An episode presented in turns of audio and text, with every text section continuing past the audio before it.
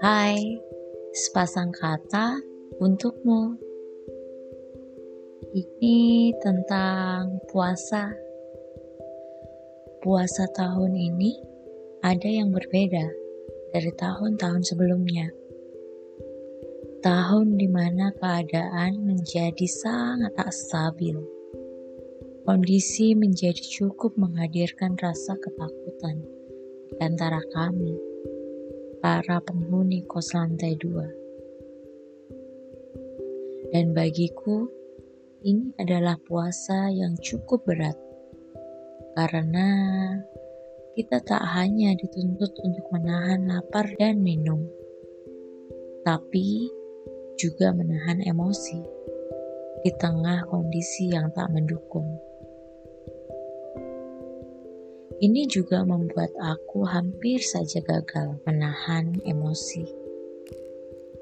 Eh, suasana kota ini cukup gaduh di bulan ketiga. Usai ditemukannya penyakit yang menjangkit lahan dunia mana pun. Sesekali kami bertegur sapa dengan sesama tetangga. Efek kami tak bisa ke mana-mana. Lebih tepatnya, tak berani keluar rumah. Seseorang pekerja di kos kami mengabarkan, tetangga rumah seberang kali terjangkit pula sekeluarga. Kami panik Lokasinya itu dekat dengan tukang sayur langganan kami. Ternyata penyakit baru membuat kami waspada.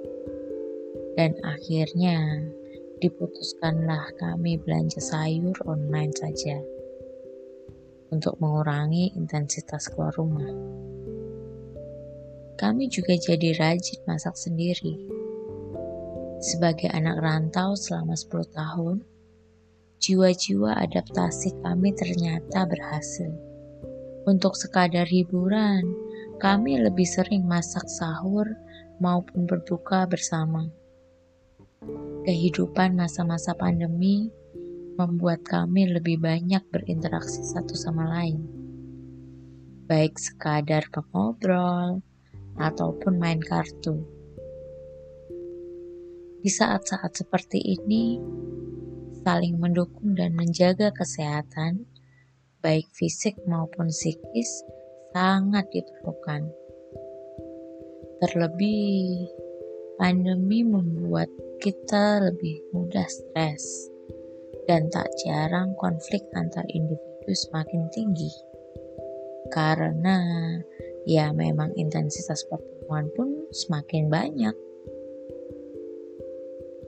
tak terkecuali padaku. Aku menyadari bahwa intensitas pertemuan membuat aku perlu banyak menyesuaikan diri dengan kawan-kawanku yang mereka cenderung ekstrovert, sedangkan jiwa introvertku masih cukup tinggi. Dan puasa kali ini membuat aku banyak refleksi tentang mengenal diri sendiri dan menjaga emosi. Semoga puasa tahun depan menjadi lebih baik dan kita semua bisa berkumpul dengan keluarga. thank you